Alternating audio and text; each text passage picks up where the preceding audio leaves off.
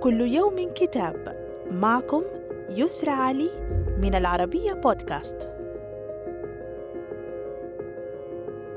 نتناول اليوم كتاب الله العلم البراهين من تأليف المفكرين ميشيل إف بولوريه وأوليفيه بوناسيس.